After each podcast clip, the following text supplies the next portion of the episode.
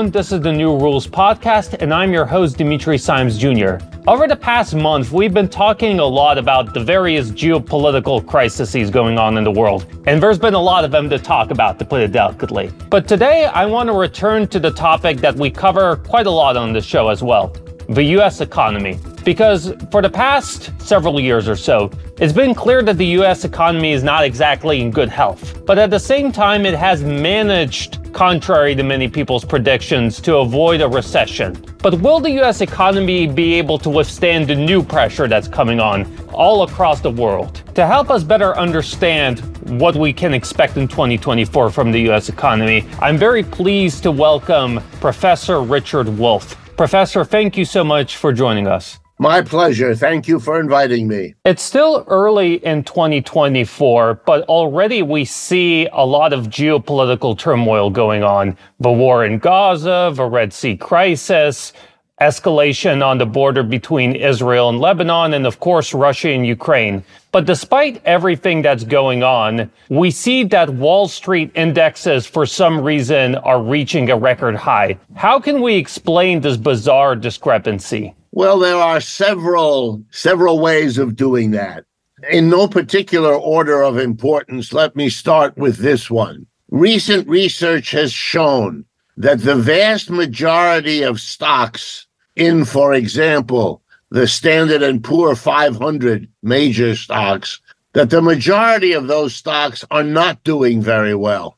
And that what you have is a very peculiar stock market in the sense that about seven companies, the super high tech companies in the main, are doing very well.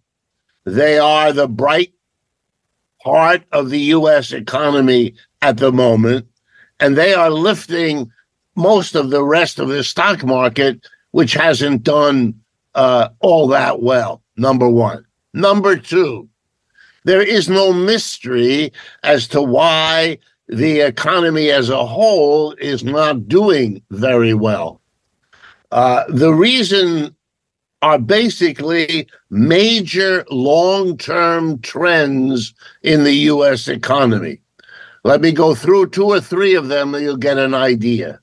Number one, the inequality of income and wealth distribution in the United States has been getting more and more unequal over the last 30 to 35 years with no end in sight even during the crashes, even during the uh, COVID pandemic, you had a continuing, growing inequality of wealth and income.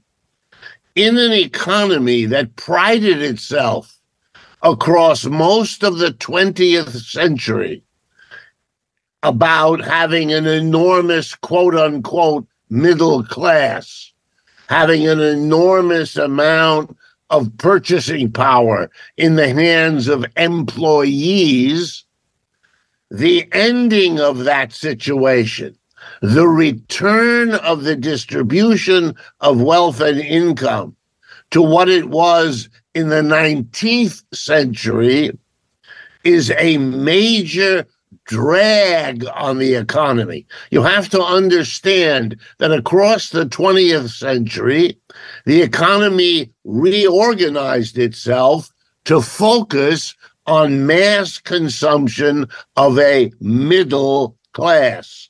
That's now being undone. And you are watching the long term, slow, step by step readjustment of the economy, and that is very bad for large segments of our uh, society, especially better paid workers, people who are employees, but they're in the middle level, the managers, the supervisors, things like that. Their jobs are disappearing and their income is dropping and they are falling into the working class from which they had escaped in the 20th century. That's a very major uh, phenomenon. Number three, and this cannot be exaggerated, For the first time in a century, a century, the United States is not alone at the top of the economic pyramid. The United States, for the first time in a century, has a major economic competitor. World War II destroyed all the people who might have been economic competitors Britain, France, Germany, Japan. Finished. Cannot compete with the United States after 1945. Out of the question. The Soviet Union, your predecessor, was a competitor militarily and maybe politically, but it was never, not then and not now, an economic competitor. Let's remember the GDP of Russia today is about one and a half to two trillion dollars. The GDP of the United States is about 22, 23 trillion dollars. This is not a competition. This looks more like David and Goliath. So now you see that if you look at these long term developments, inequality of income and wealth, highly uneven performance in the stock market, the fact that we now have the People's Republic of China as the great competitor, the BRICS as a group, BRICS, now produce more output as a share of total global output than do the G7, the United States and its allies. You put all that together, it's a new economic world. It is a decline relatively for the United States. It is an adjustment to a disappearing middle class. Those realities are experienced by average American citizens every day. And that is why, if you do a poll of Americans about the economy, it's very, very mixed, very depressed, not very hopeful. But if you talk to people who own shares of stocks that are doing well or who hope to, well, then you get a completely different picture. And the way to understand that is to remember this statistic the 10% richest Americans own 80% of the stocks in the stock market. And for them, the world is a completely different place from what it is from the other 90% of the population.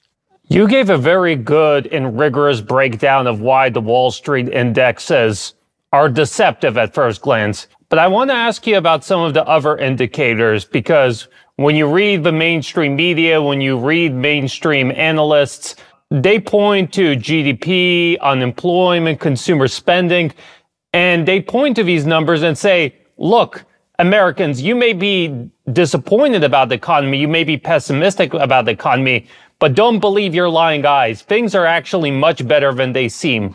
Do these arguments carry any legitimacy, or are they likewise misleading? It's not so much legitimacy or misleading. They are self delusional.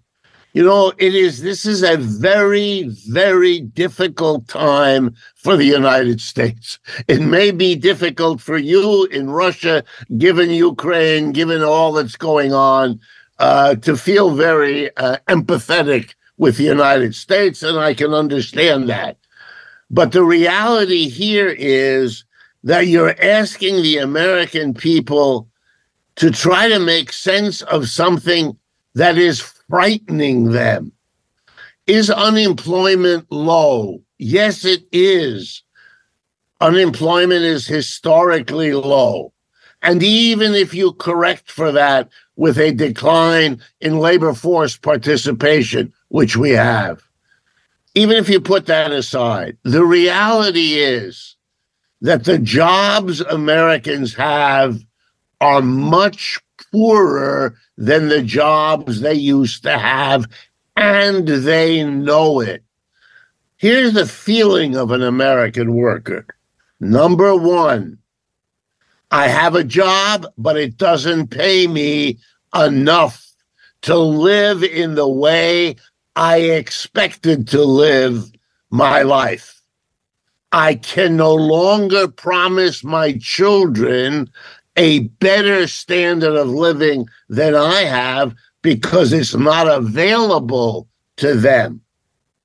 The old people still, in some cases, have pensions. Young people do not. The old people still have decent, not great, but decent health care coverage from their employer. The young people do not. I could go on and on. In my profession, I'm a professor of economics. Over the last 20 years, we still have the classroom. We still have the students in the classroom, but we don't have professors like me. I was required to teach two courses each semester. I was paid enough money to get married, have a family. I would never be rich, but I was comfortable. Today, the majority of professors are what we call here adjuncts. What that means is they have no jobs security. They teach two courses in this school, then they run across to the other side of the city and teach a course in that college, then over here in this college.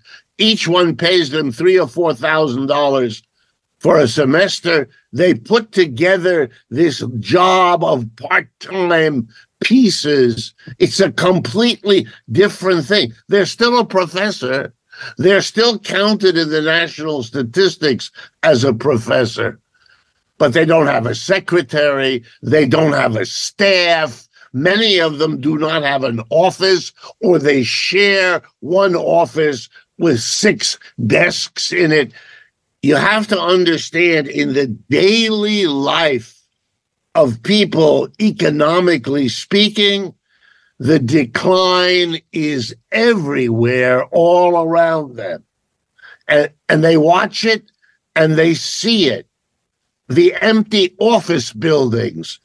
In every major city, we have many, many empty office buildings. If you have an office on the 18th floor in Manhattan, I am speaking to you from Manhattan in New York City, on your way to the bathroom twice a day, you pass empty offices, and the and that impresses itself on you.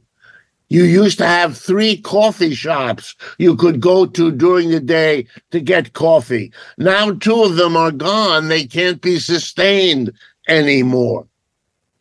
And everywhere the pressure the continuing pressure to profit, to make profit, has produced, as we knew it eventually would, an upsurge in anger of the American people. Very angry because nothing has been done to explain to them why all of this is happening. And you know not understanding why is my job so difficult? Why is my job no longer giving me benefits? Why is my job finish the sentence. They don't know. So along comes a, a politician who says it's the immigrants coming from latin america makes no sense this is a country of 330 million people, maybe 10 million immigrants. 10 million poor immigrants do not explain what is happening to 330 million uh, American citizens. So you're desperate, and you see it in our politics. You know, Mr. Trump is a angry, angry politician. So he picks up the vote of angry, angry people. Uh, and the attempt to keep it going, the attempt to maintain the kind of quiet dominance of the United States You can't do it anymore. You just can't do it. And the United States finds itself on the wrong side, the losing side of more and more uh, political military events, which it does not have the resources or the, the, the stability to handle. I'm glad that you bring that up because it seems that very often conversations about the US economy are completely divorced from geopolitical realities, geopolitical developments. So I want to ask you how are the rising tensions in the Middle East, in Europe, what sort of potential implications do they carry for the US economy? Very, very dangerous. I mean, the word that you would hear from thoughtful people in the United States, left wing, right wing, in the middle. This is a extraordinarily difficult, dangerous time. Uh, and let me give you some examples. And I'll pick one that you, of course, know about because it's right there uh, on your border, Ukraine. When the war begins, when uh, Russia moves into Ukraine, in February of 2022. Uh, the United States is filled, our newspapers, our television, with very strong statements about how the ruble will collapse, that Russia will be unable to sustain the um, the war, uh, can't afford it. It's a poor country. Blah blah. All of that. I'm sure you saw some of that. I'm sure at least some of it was reported uh, in your media as well. Okay, but when you say these things, then Americans expect you to deliver that image that, you know, they, they are not being lied to. Well, but it didn't happen, and Americans cannot pretend. The ruble did not collapse. Russia did not fall apart.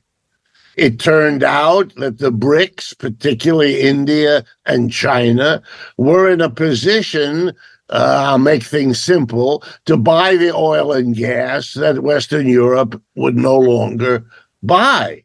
So the sanctions that were supposed to solve the problem failed. And yes, a hundred explanations are given, a hundred distractions are offered to the public, but Americans are not stupid. They see that this isn't working. I'll give you another example. Over the last two or three weeks, the United States has either bombed or sent missiles uh, into Yemen now into Iraq, possibly also Syria. It's not quite clear yet, uh, but perhaps by now it is. Okay, this looks to the American people like a desperate series of very dangerous widenings of the war. You cannot keep telling the American people, we don't want a wider war while you are consistently widening the war. And yes, you can do that for a few weeks, but as this accumulates, you're beginning to, to scratch your head and you're beginning to uh, risk all kinds of things. The people who want to see Mr. Biden reelected for president know that these wars are not popular in the United States. In other words, there is not mass support for the U.S. involvement in any of them Ukraine, Iraq, Yemen, even in, in the case of Israel and Gaza, the kind of support that used to flow automatically and overwhelmingly to Israel is not happening this time. The official level of American society, the big businesses, the old politicians, they run and they support Israel. But the mass of the people, Not at all. Not at all. Very ambivalent, very unclear. If Mr. Trump becomes a candidate who advocates uh, getting out of the war, many of these wars, or all of them, it will be a clever way for him uh, to get more votes than he otherwise might. And I think you're likely going to see uh, that. And then maybe the, the, the one I would most um, urge you not to, to, to misunderstand. Americans have a love hate relationship to super rich people. So, on the one hand, yes, the media are full of stories about Elon Musk or Jeffrey Bezos or any of the multi billionaires that we produce.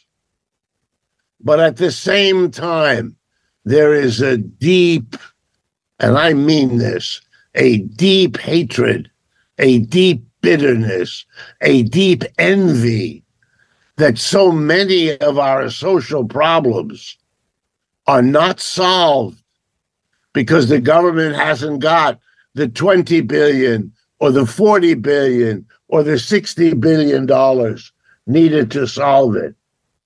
And yet those individuals, a dozen of them, have much more money than that, could solve all these problems very quickly. That that contradiction that is waiting right below the surface and when we get a politician who's ready to speak about that, willing to do so, you're going to see very big changes in the United States, and they're going to happen very quickly because it's been building up. That's what Bernie Sanders was all about. And he was just the first one. There are, there are many more coming up and they are going to be pushing this in a very new and different direction. I want to remind our audience members that you are watching and listening to the New Rules podcast. I'm your host, Dimitri Simes Jr., and our guest today is Professor Richard Wolff. You know, one of Biden's main talking points recently is that he's winning the battle against inflation. But now, as you pointed out, we have the crisis in the Red Sea, where the Houthis, despite you know being on paper at a severe military disadvantage, are able to significantly block trade through the Red Sea.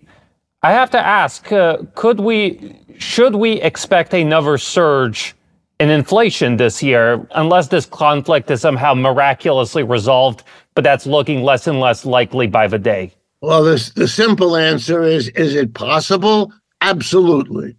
Could that happen? Absolutely.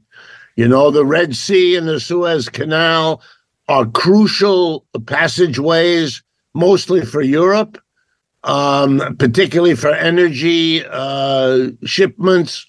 Uh, and that kind of increase in price for energy, which you can already see a little, uh, could very quickly translate into an inflation, much as the closing down of the flow of uh, Russian oil and gas did that two years ago. And you know, for the American people, this will help you answer your earlier question. Uh, I'm a professor of economics. My students ask me all the time to explain, to help them understand inflation. Okay. And one of the first lessons I give them is when economists talk about inflation, they're talking about the rate of increase of prices. How quickly are prices going up? But for most American citizens, the way they understand inflation is they compare the price of something they're buying to what they remember paying for it a year ago or two years ago or three years ago. We've had a very dramatic inflation in this country, particularly in food, particularly in energy and particularly in the cost of housing. And those have not come down as they went up very quickly, starting late in 2021 and across 2022 and into early 2023. This was a traumatic experience. And for most Americans, those prices never came back. That is, they went up and then they slowed their increase. They're only going up 3 to 4% now but it's three to four percent on top of an inflation that hit eight or nine or ten percent if you count properly uh, a year and a half ago. So all that most Americans see is higher, much higher prices that went up much more than their wages did and are not coming down. And when Mr. Biden says, I slowed the rate of increase, they want to hear that the prices are coming back down. And they're not hearing that, and they're not going to hear that. That nobody at this point in the American economy is seriously contemplating deflation, falling prices. So you shouldn't be surprised that the mass of people uh, are not impressed. The inflation happened. It was very bad. And again, please remember when did it come, the inflation? Immediately after the end of the pandemic. The United States suffered more people that died from the pandemic than most other countries who have poorer, less developed healthcare systems. It was a shock to the United States, not just that those people got sick or died, but that the performance of the United States was not the world leading performance, quite the opposite. On a per capita basis, the United States performance was stunningly mediocre. Please also remember that the year 2020 was a desperate economic depression in the United States. One half of our labor force, 50%, was out of work in the year 2020 for some period of time. For some, it was only a week or two. For others, it was the whole year. But that is a staggering economic decline, uh, depression. By the way, the third one in this new century.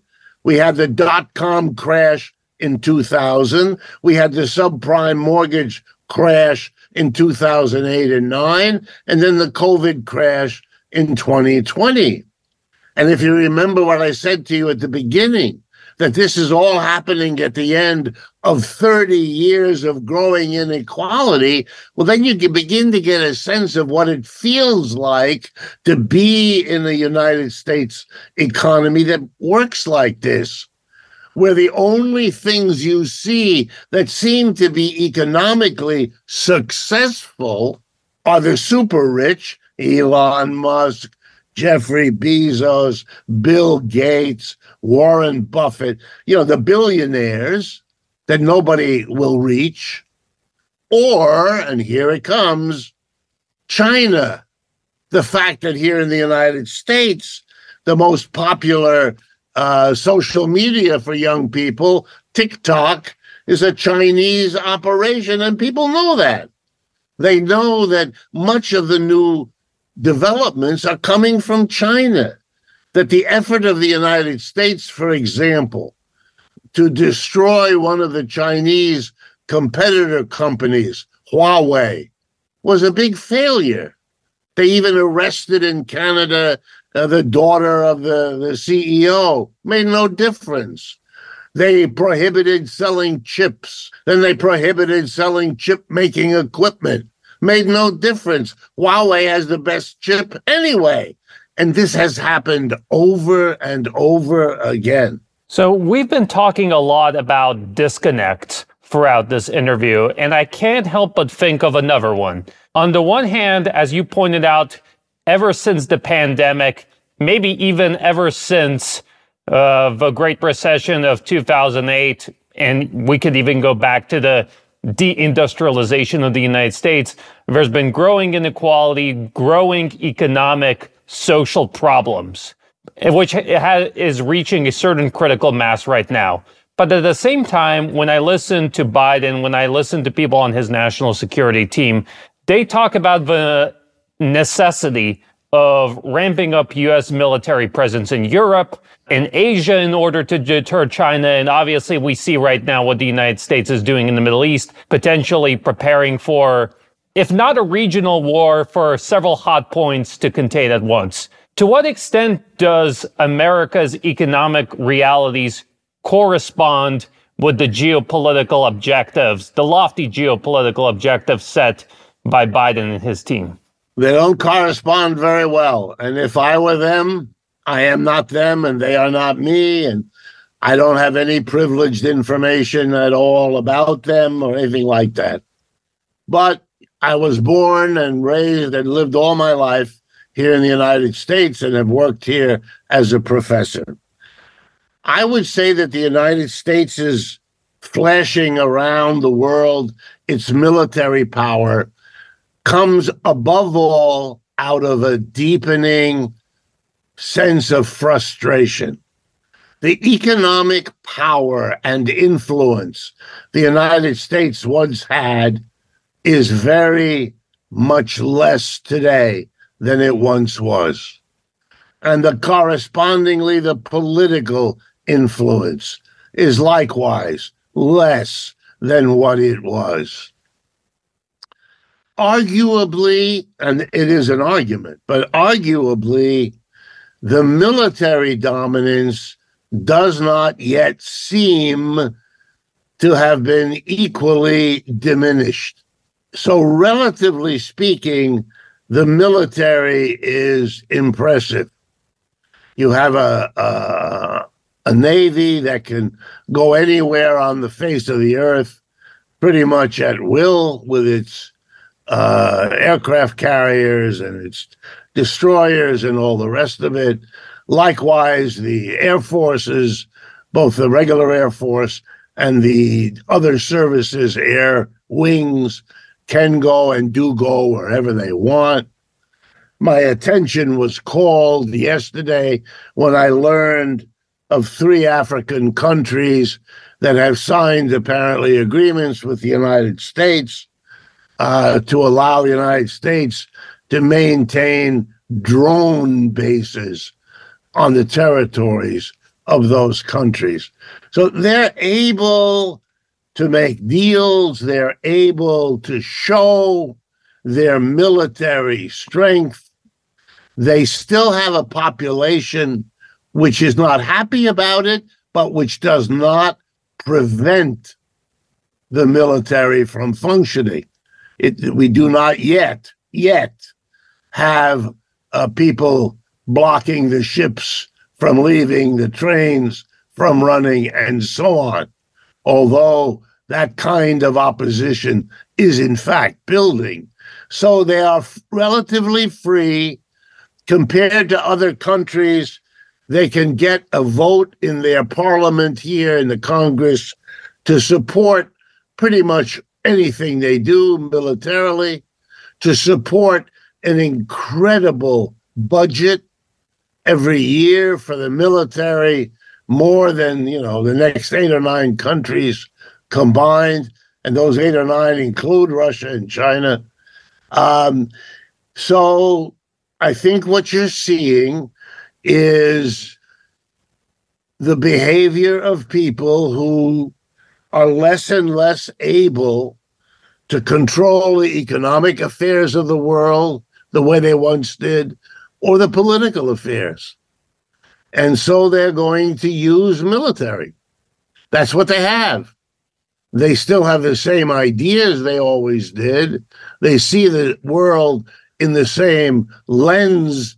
They understand things more or less in the same way. Certainly, the people around uh, Biden, the people Mr. Trump gathers are more the marginal uh, extreme, as you can see, as one after another uh, gets arrested for something, and you see what they were in favor of, and they are horrifying.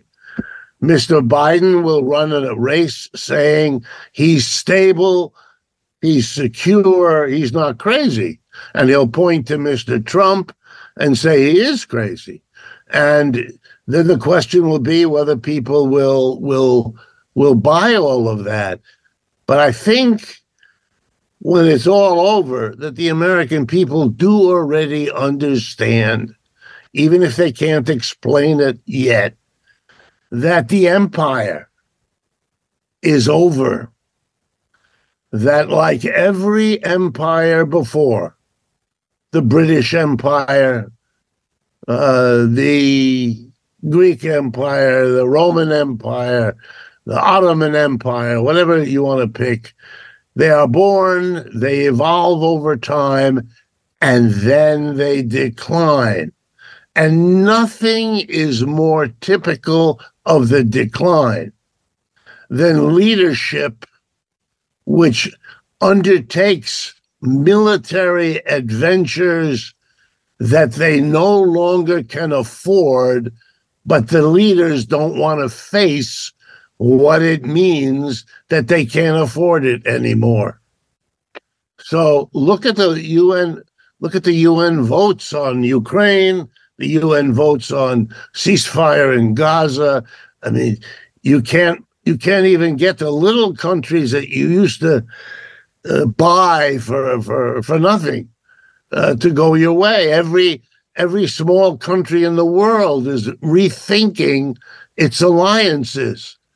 And many of them are deciding that the horse they want to get off of is G7. And the horse they want to get on top of and ride into the future is the BRICS. And nobody in Washington is missing that process. Your point, I think, about empires provides the perfect segue to what I wanted to ask because I think your argument about the fact that the United States is relying more and more on military might rather than economic might to assert its uh, policies, you know, is relevant, makes sense.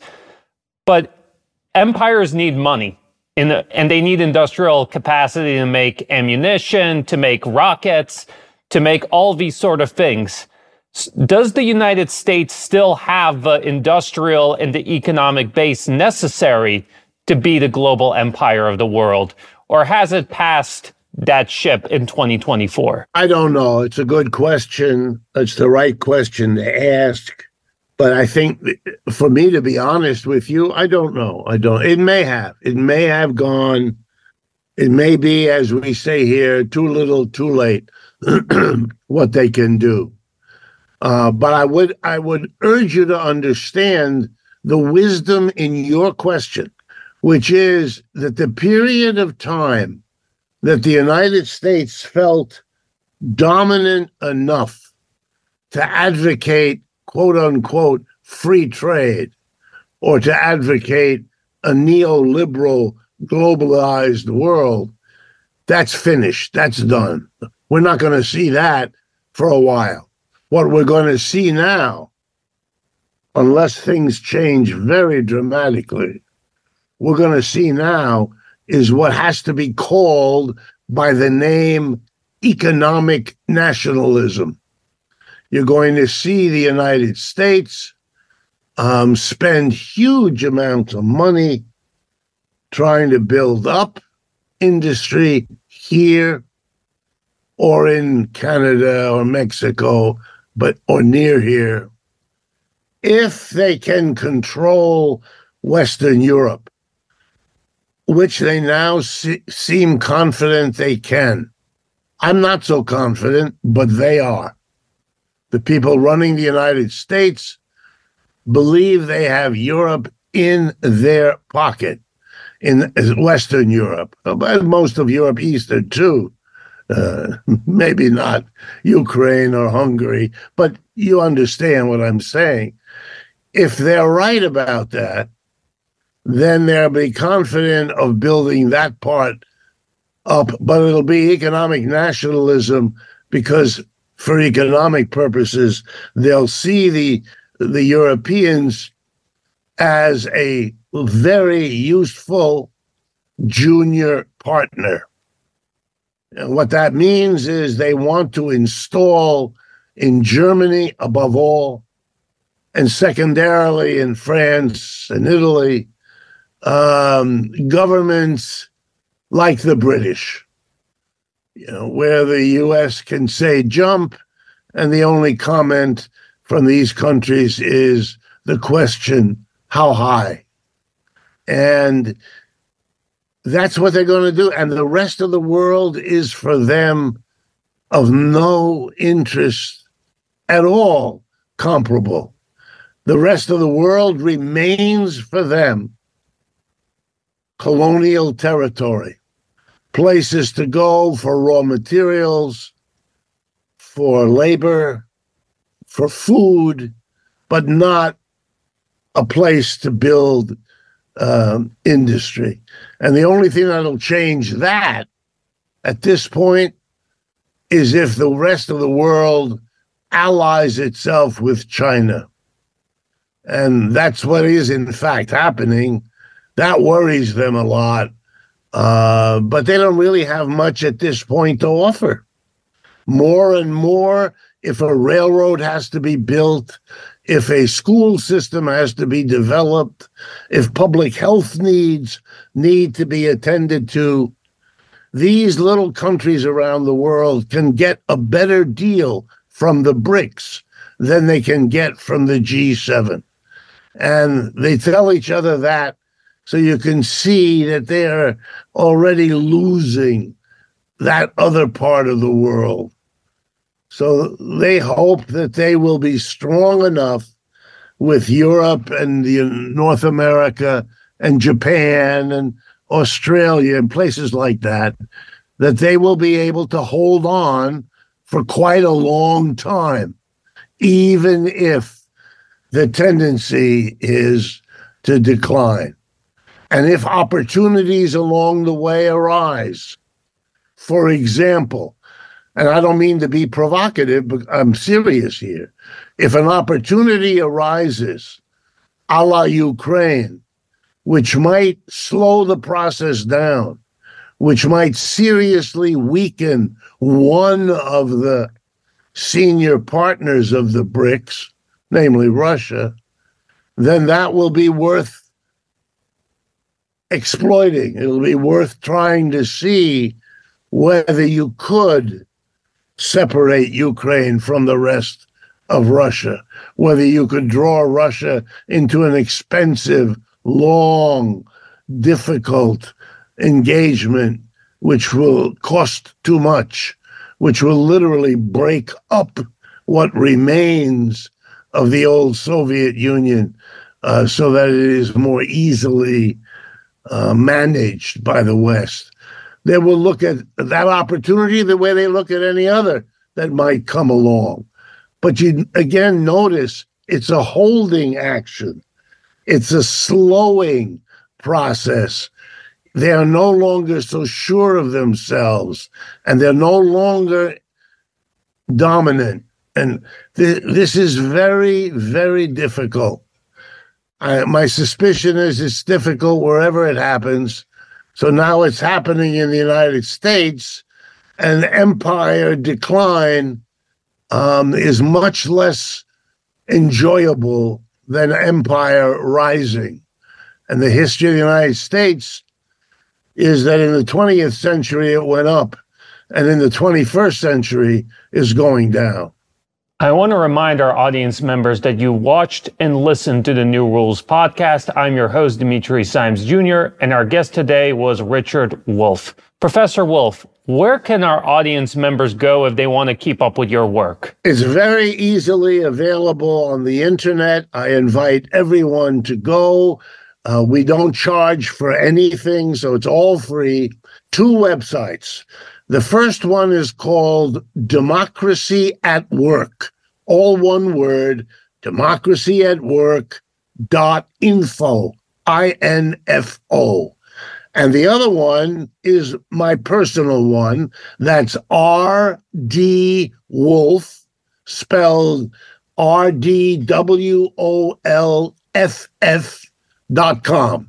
So democracyatwork.info, rdwolff.com. Thank you all for tuning in. Till next time.